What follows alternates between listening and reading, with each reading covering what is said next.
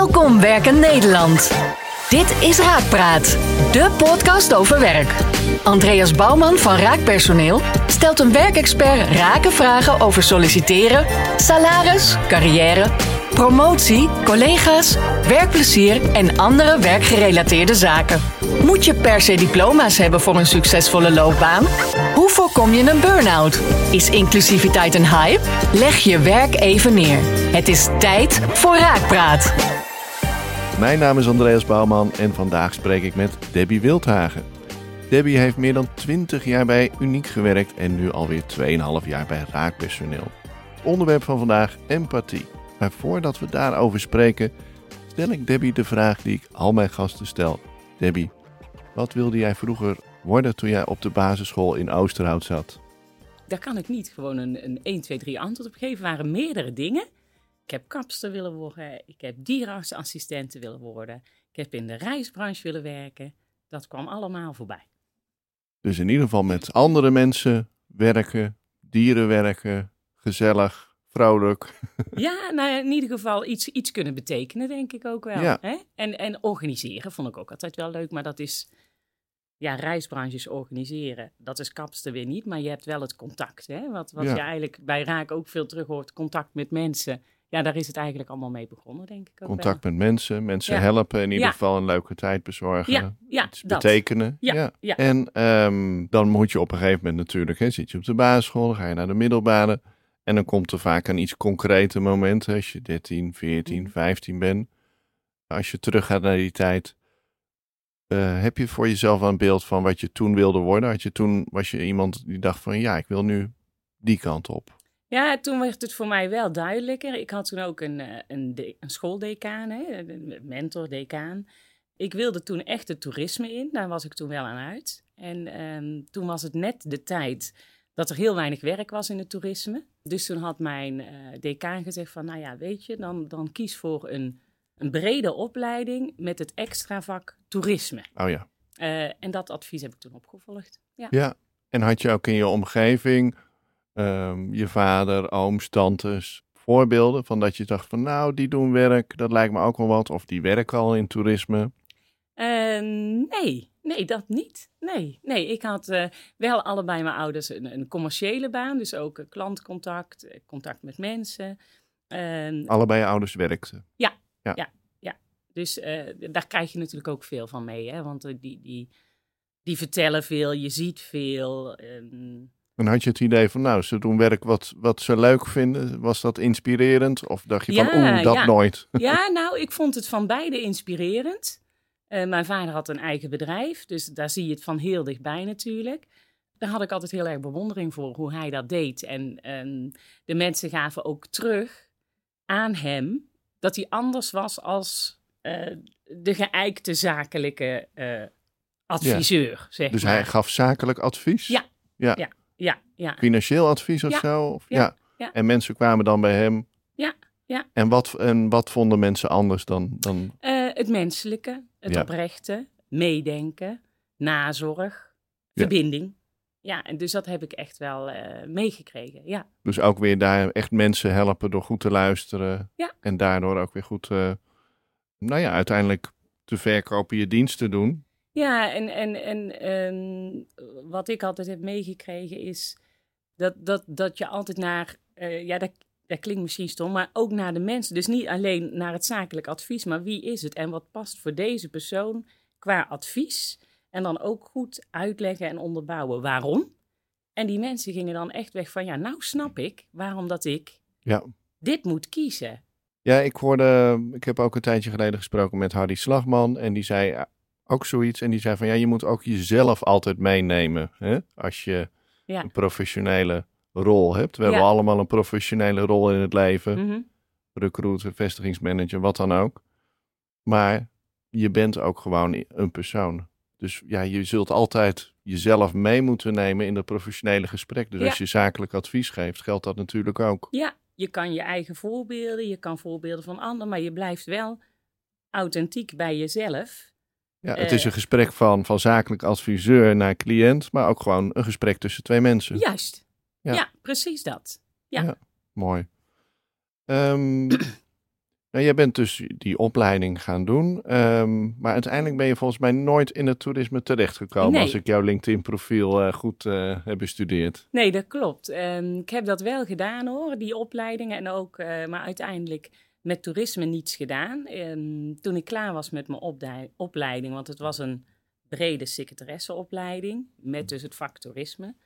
Ehm, toen ben ik gewoon als, als secretaresse ergens begonnen. Gewoon onderaan, hè, want dat Ja. was toen nog. Hè. Je Mhm. moest eerst jezelf bewijzen. Hè, en Zeker, dan kon ja. je omhoog.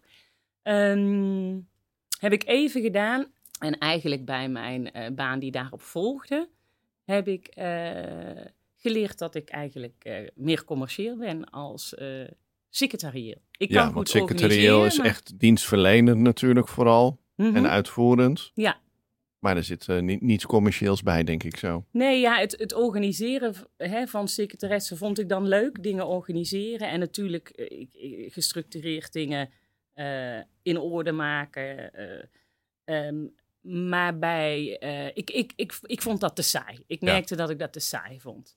En toen eh, ben ik zelf verder gaan kijken. Toen stond er ergens een andere functie open, commercieel binnendienst.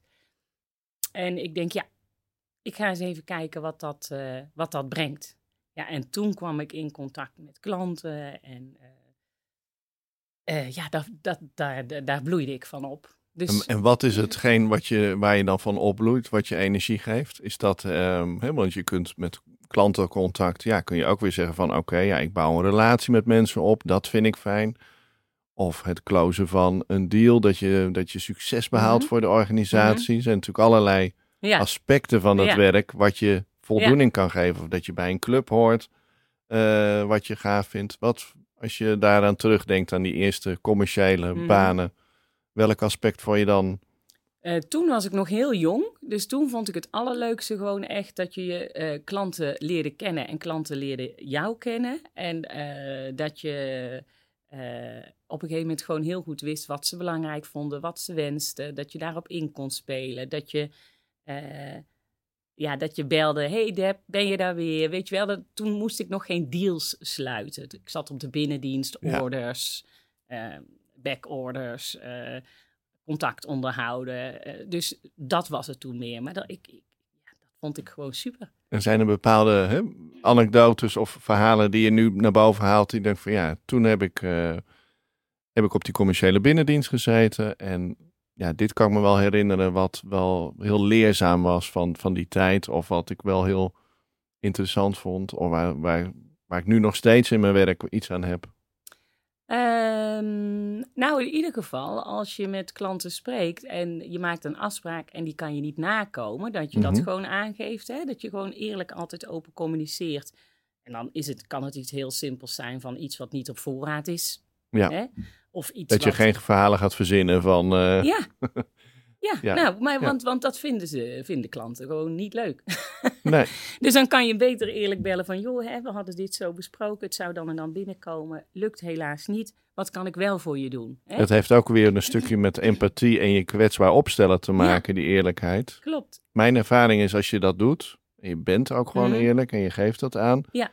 Dat er 9 van de 10 keer ook wel weer een soort connectie is met de ander en een begrip ontstaat Ja. voor jouw situatie. Precies. Dan, dan gaven ze aan van, ja, leuk vinden ze het niet. Maar Nee. je bent wel eerlijk over de situatie. Dus ehm, kom je wel samen tot een, oké, ik snap dat hè, jij er verder ook geen invloed op hebt. Fijn dat je er wel eerlijk over bent. En, dus dat heb ik daar wel echt eh, geleerd. Ja. Dat dat gewaardeerd wordt. Ja. En toen kwam je in eh recruitmentland eh, op een gegeven Ja. moment terecht. Ehm, hoe is dat verlopen? Ehm, nou, dat is ook wel een heel leuk verhaal, vind ik zelf. Ja. Ook wel met een eh, leuk bruggetje, denk ik, naar eh, hoe raak nu kijkt naar eh, mensen die solliciteren. Ehm, tweeledig. Aan de ene kant leek die, die branche mij sowieso altijd al leuk. En mijn zwager werkte toen via een uitzendbureau. En die zei van, joh, Deb, ik denk dat dat ook wel iets voor jou is. Ik zeg, ja, dat dacht ik ook altijd wel. Ja. En ik was toen ook net een beetje weer aan het eh, rondkijken van... hé, hey, ik wil wel weer iets anders. Ehm, toen heb ik een brief geschreven. Eh, natuurlijk netjes een motivatiebrief met een cv. Mhm. Maar ik ben mondeling gewoon beter als op schrift, vind ik zelf. Eh, Ja. Dus ik werd afgewezen. Ja, daar was ik niet zo blij mee. Nee, afwijzing is nooit leuk. En, eh, Ja, en wat was de reden? Eh, was helaas een betere kandidaat? ja dat was toen, de, de reden weet ik nog geen eens meer, vrij basis denk ik. Ja. Maar in ieder geval iets dat ik dacht, ja, je hebt me nog niet gezien, je hebt me nog niet gesproken. Je was niet overtuigd van de afwijzing. Ik was het er gewoon niet mee eens. Nee. Ik dacht, je, Heel moet goed. Mij, je moet mij maar eens zien. Misschien een beetje eh, dat je denkt, nou, doe niet zo hè, uit de hoogte. Zo was het niet bedoeld. Ik dacht echt, dat Ja. past bij mij. Dus toen heb ik mijn mooiste pakje aangetrokken en eh, ben ik eh, naar die vestiging gegaan. Eh, niet gezegd dat ik gesolliciteerd had, want ik was natuurlijk afgewezen. Maar ik dacht, nou, even kijken wat er gebeurt Ja, als ik hier nou op intake ga. Dus wij hebben de intake. Hartstikke leuk gesprek. Ik weet nog precies met wie. Met Wendy Zoontjes, als ze luistert. Super bedankt, alsnog. En ehm, zij zegt op het eind van de intake... vind je het niet leuk om bij ons te komen werken? kijk. Ik zeg, dat vind ik hartstikke leuk. Maar ik ben afgewezen. En eh, toen zei ze, nou nee hoor. Ik ga het hoofdkantoor bellen. Ze moeten jou spreken. Dus ik vind dat ook wel weer een ja. mooi bruggetje naar hoe we nu ook bij, bij Raak eh, naar mensen kijken. We kijken ook niet alleen naar het cv Nee. of een brief. En gelukkig keek deze persoon naar mij en niet naar mijn cv. Ja, geweldig. Ja, Ja. Ja. Nou ja, dat is ook weer waar we het eerder over hebben. Hè? Je, je hebt een bepaalde rol en je hebt een bepaald cv. En dat zegt allemaal maar voor een deel van wie je bent. mhm. En pas als je in gesprek bent met iemand en je kijkt iemand in, Mhm. de ogen en je hebt het over verschillende dingen. Ja, dan zie je alle facetten en dan zie je de hele mens eigenlijk voor je. Nou, dat is het. En, en hè, de- de- het thema van vandaag is natuurlijk empathie, maar ook oprecht luisteren. Hè? En, en dat, zij, dat deed zij gewoon. Zij, zij luisterde echt naar wat ik dacht te kunnen brengen. Hè? Mhm. En eh, ja, dan wordt er echt ook naar je gekeken Ja. in, in mogelijkheden. Hè? En eh, ja, dat maakte wel dat zij dat zag. Mooi, ja. Ja. En ehm, we hebben het natuurlijk over empathie. Het is misschien best een ingewikkeld eh, woord. Tenminste, ja, ik zou niet meteen uit mijn hoofd de definitie hier op tafel kunnen gooien. Wat versta jij onder empathie? Wat is... Ja, empathie is in mijn ogen heel breed, maar ik, ik, ik heb er ook zelf over nagedacht. Want ik dacht, die vraag zal wel komen. Maar voor mijn gevoel is het vooral je kunnen inleven en je willen inleven in een ander. Hè? Ja. Dus ehm, vooral ook de andere kant van een verhaal willen en kunnen zien. En ehm, ja, ook, ook die persoon, je een beetje in die persoon willen en kunnen verplaatsen. Hè? Als en dat kan denk ik ook niet zonder goed naar iemand te luisteren. Nee, precies. in die twintig jaar dat je eh, bij dat andere uitzendbureau hebt gewerkt, nou ja, heb je waarschijnlijk ook altijd te maken gehad met managers, die soms empathisch waren, soms ook wat minder. Zijn er voorbeelden in die tijd geweest waarvan je in een zakelijke setting dacht van, goh, dat doet iemand heel goed? Of juist van, goh, zo zou ik het liever niet willen. Mhm. Eh, niet om op, op persoonlijke manier Mhm. iemand eh de kakker te zetten of om eh, iemand, eh, maar gewoon ja, in een zakelijke om- omgeving gebeuren er dingen en leer je ook dingen. Mhm. Eh, en leer je ook hoe je dingen wel of niet wil doen. Mhm. Dus heb je in die tijd bepaalde voorbeelden gehad? Ja, ik, ik kan dit puur op mezelf betrekken. Hè? Dus op mijn eigen, hoe ik het ervaar, Ja. ervaard heb.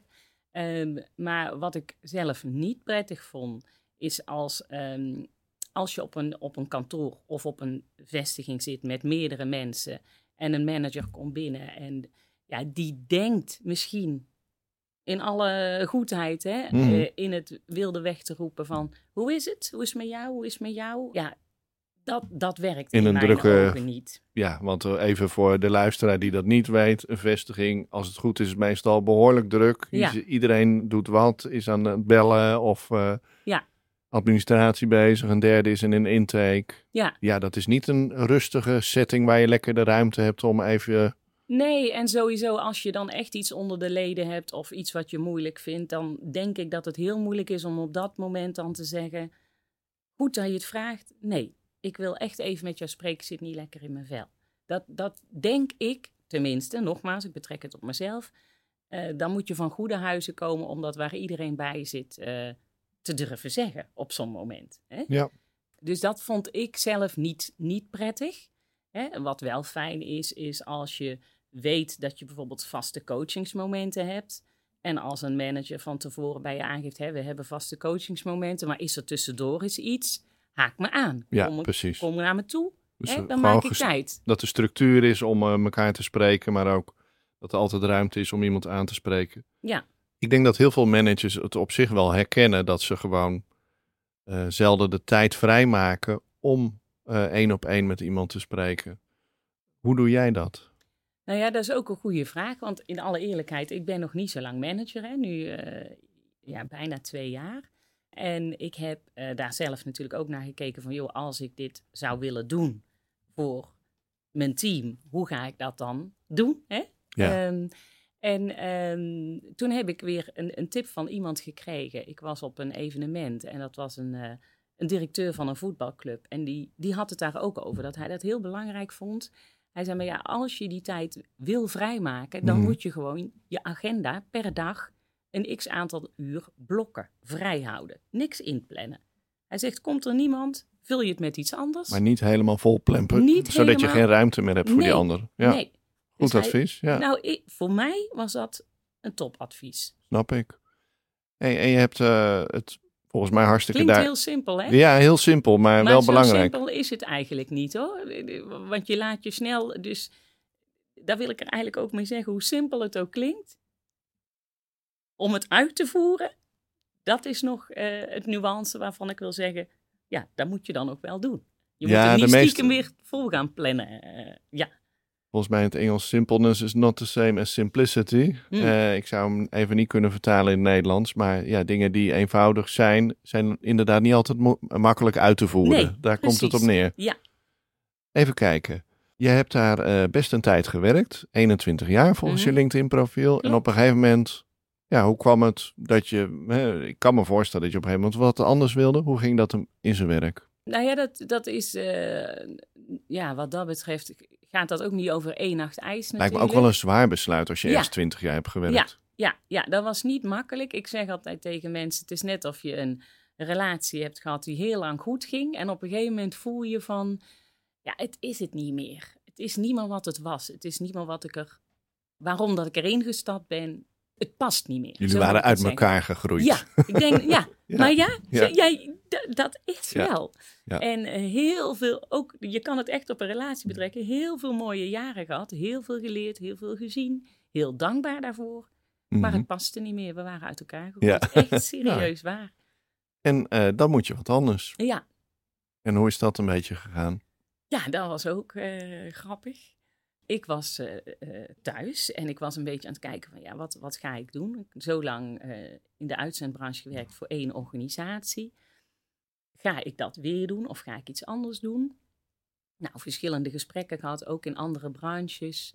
Maar op een gegeven moment werd ik door twee collega's benaderd. Hè? Ja. De- die, die benaderden mij al wel vaker, ook bij mijn andere werkgever. Maar nu belden ze weer met de vraag van... weet je zeker dat je uit de uitzendbranche wil? En ehm, ja, dat was eigenlijk een hele goede vraag. Want daar, daardoor ging ik daar wel heel bewust nog over nadenken. Hè? Kon je Want- ook de tijd nemen om dat te doen? Want Ja. we hebben het net over empathie voor anderen gehad. Maar ja, dat noem je anders. Dan noem je meer compassie met jezelf hebben. Maar nam je jezelf ook de tijd om ja, even los van het werk goed na te denken van... hé, hey, wat wil ik? En wil ik inderdaad in die branche Ja. blijven? Ja, dat moest ook wel. Ik, ik zat toen ook in een periode die, die veel van me vroeg. Mijn zwager was ernstig ziek. Dus, dus die periode heb ik gewoon echt en naar mezelf gekeken. Maar ik moest ook de rust Ja. pakken, want er was ook veel aan de hand. Ja, precies. Ehm, veel mensen zeggen van knap dat je dat gedurfd hebt. Hè, je baan opzeggen voordat je iets anders hebt. Maar ik vond dat niet knap. Ik vond dat noodzaak. Want als iets niet meer voor je gevoel had je geen keuze. Ja, Nee, nou, het, het- het- ik denk ja, ik moet nu gewoon voor mezelf kiezen. Ja. Hè? En, en goed in mijn energie. Dus eh, dat klinkt allemaal heel zakelijk, maar zo, zo was het wel. Mhm. En, eh, dus heb ik ook heel bewust en rustig de tijd genomen om te kijken van wat past voor mij. En ehm, ja, zo ben ik dus ook in gesprek geraakt eh, eh, met Mark. En als je het dan weer over empathie hebt, ja, ehm, hè, die, zei, die belde mij eerst, eerst een belgesprek. Want ja, Mark van Oosterhout, de directeur van Raak Personeel. eh, Ja. Waar kende je hem eigenlijk van? Want eh, Ja, eh, dat is, die, die heeft met mij gewerkt bij, bij Uniek. uniek in Waalwijk. En Melanie en ik hebben hem daar ja, ingewerkt. Dus dat, Ja, precies. dat is wel heel grappig. En, eh, Ken je hem ook nog als uitzendkracht of niet? Nee, Of nee, het, nog eh, niet. Nee, nee. nee, nee, nee, nee, nee, daar heb ik niet eh, meegemaakt. Nee, ik weet dat wel van zijn eigen verhaal, hè, Ja. maar dat heb ik niet, eh, niet meegekregen. Bij mij was het echt eh, toen hij bij ons kwam werken. En als we dan toch kunnen roddelen, want er luistert verder niemand mee. eh, Ja. Zeker Mark niet. Eh, hoe was die in het begin toen? Nou, dat was wel een eh, aparte vogel hoor. Ja. maar wel gelijk iemand waarvan ik. Ja, dan, dan krijg je het dus ook weer over een beetje over meevoelen, invoelen. Ik, ik voelde wel gelijk van ja, daar zit wel veel in. Ja. En die is heel eigen gereid en die durft en die heeft lef. En misschien toen nog niet altijd op de juiste manier eh, qua hoe die dat dan overbracht. Misschien niet heel organisatiesensitief nog. Maar, maar echt, eh, Ja. ja. je voelde wel van ja, dit, daar zit, daar, zit, daar zit Ja. veel in. Een ruwe diamant, zullen we maar zeggen. Ja, laten we het zo omschrijven. Ja, ja. En, eh, en toen heb je dus een tijdje, je hebt hem ingewerkt en jullie zaten op hetzelfde kantoor. Mhm. ja. En Eh, is niet lang geweest hoor. Eh, toen hebben we weer, want ja, je wisselt ook wel eens hè, qua kantoren. Maar we hadden wel gewoon, als collega's zaten we nog steeds binnen dezelfde organisatie. En Ja. jullie hebben ook contact gehouden, want ja, hij heeft korter natuurlijk bij Uniek gewerkt Mhm. dan jij. Mhm. Ehm, en daarna hebben jullie wel gewoon contact gehouden, af en toe zo. Is- Eh, ja, gewoon voornamelijk dat, dat we wisten van elkaar waar we mee bezig waren. Ik vond het Ja. ontzettend gaaf dat hij zijn eigen uitzendbureau gestart was. En ehm, ja, ik ben wel iemand die volgt dingen op Facebook, op LinkedIn. ehm, dus ik zag ook waar ze mee bezig waren. Ja. De mens centraal, hè, eh, mensen een kans geven, los hè, van, van alleen maar mensen aan het werk zetten. Eh, dus dat die, die, die, die, die posts, die grepen mij altijd al wel. Hè? Dus daar word je toch ook door getriggerd. Ehm, maar daar bleef het eh, ja. op dat moment gewoon bij, want toen zat ik gewoon goed waar ik zat. Mhm. ja. Totdat dat niet meer zo was natuurlijk. Nee. Ja, en, En dan toen, is het eh, lijntje kort. Ja. Ja, en toen is het lijntje kort. En toen belde hij, of hoe ging dat contact? Wat gebeurde er toen? Ehm, nou, eh, ik zal je eerlijk zeggen, ik, eh, een goede vriendin van mij, oud-collega Melanie, daar ging ik lekker eten in de tuin. En eh, ik, ik met mijn man en zij met haar toekomstige man. En ja, toen kwam dus inderdaad van ja, ja, Mark blijf maar vragen of jij echt niet naar ons wil. Ik wil je ook wel heel graag bij ons hebben. En weet je het zeker? Weet nou, zo is het gekomen. Zeg, koffiemomentje, belmomentje. Dus ze hebben eerst een half uur zitten bellen, Mark en ik. Ja, En daarna zei hij, kom nou gewoon eens een keer koffie drinken. Dus toen zei ik, eh, ja, het voelde allemaal aan de telefoon al goed. Maar ja, je denkt, ja, eerst eh, maar even aankijken. het is ook gewoon een grote stap natuurlijk. Ja. Je, je hebt twintig jaar bij één werkgever gezeten. En Mhm. dan ja, wil je wel goed beslagen ten ijs die keuze maken voor een volgende stap. Precies. Ik, eh, wat dat betreft had ik wel zoiets van, als ik dit doe, dan wil, ik dat, dan wil ik daar met de volle overtuiging echt weer ingaan. Want ik ben wel iemand die alles met de volle overtuiging wil doen. Ja, Ehm, ja, en dan, dan is het gewoon mooi als je daar op gesprek gaat. En ehm, dat, dat gesprek voelde goed, dat ging als vanzelf. En ehm, ja, als je het dan inderdaad ook over empathie hebt, dan is het ook hè, op het eind van het gesprek dat Mark dan ook zegt van... Joh Debbie, neem alle tijd, hè, de deur staat hier open. Of het nou morgen is, of over twee jaar, of over eh, vijf jaar. Hè, je past hier voel je welkom, neem je tijd, doe eerst de andere gesprekken. En ehm, dat geeft rust. Hè? Dat is ook empathie. Hè? Ja, Eh, empathie is denk ik ook een- ja. inleven. Hè? En, en, en- ruimte geven. Ja, Ja. ja, ja. Om zelf de keuze te maken uiteindelijk. ja. En, en dat maakte voor mij eh, al het verschil. Dat, toen wist ik eigenlijk al, ja. Ja, toen was het eh, beklonken ja, in het hoofd. Ik heb de andere gesprekken nog wel gedaan, maar ja, dan, Ja. Dan, weet, dan weet je van, die, dat past bij je. Je hart, had, je hart had het besluit al genomen. Ja, dat is mooi precies. gezegd, maar dat Ja. is het. Ja. Hey, ehm, ik heb nog een paar vragen over empathie. Ehm, gewoon iets wat ik mezelf afvroeg en ik ben benieuwd hoe jij daar naar, eh, naar kijkt. Empathie, is dat nou iets wat je kunt ontwikkelen, wat je meekrijgt van je ouders?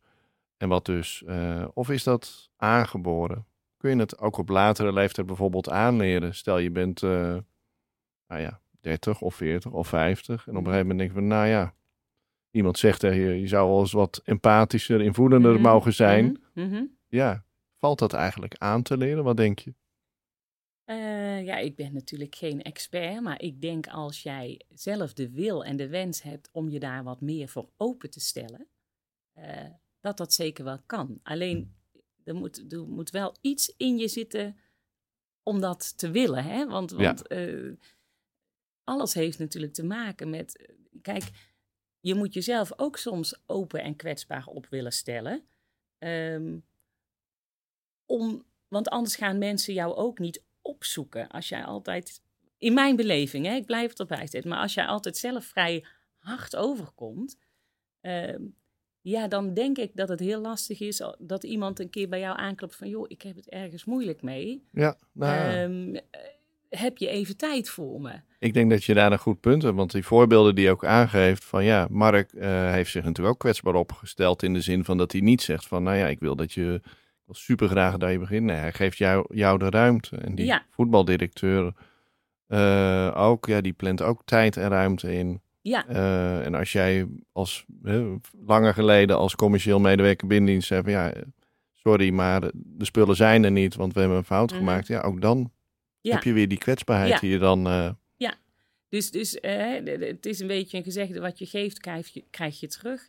En tuurlijk, de- degenen die, die vrij sensitief zijn, hè, of, of de EQ wat hoger is, hè, zoals ze dat dan ook wel eens zeggen, ja, dan is dat empathische wat, wat makkelijker, hè, want dan zit dat al in je.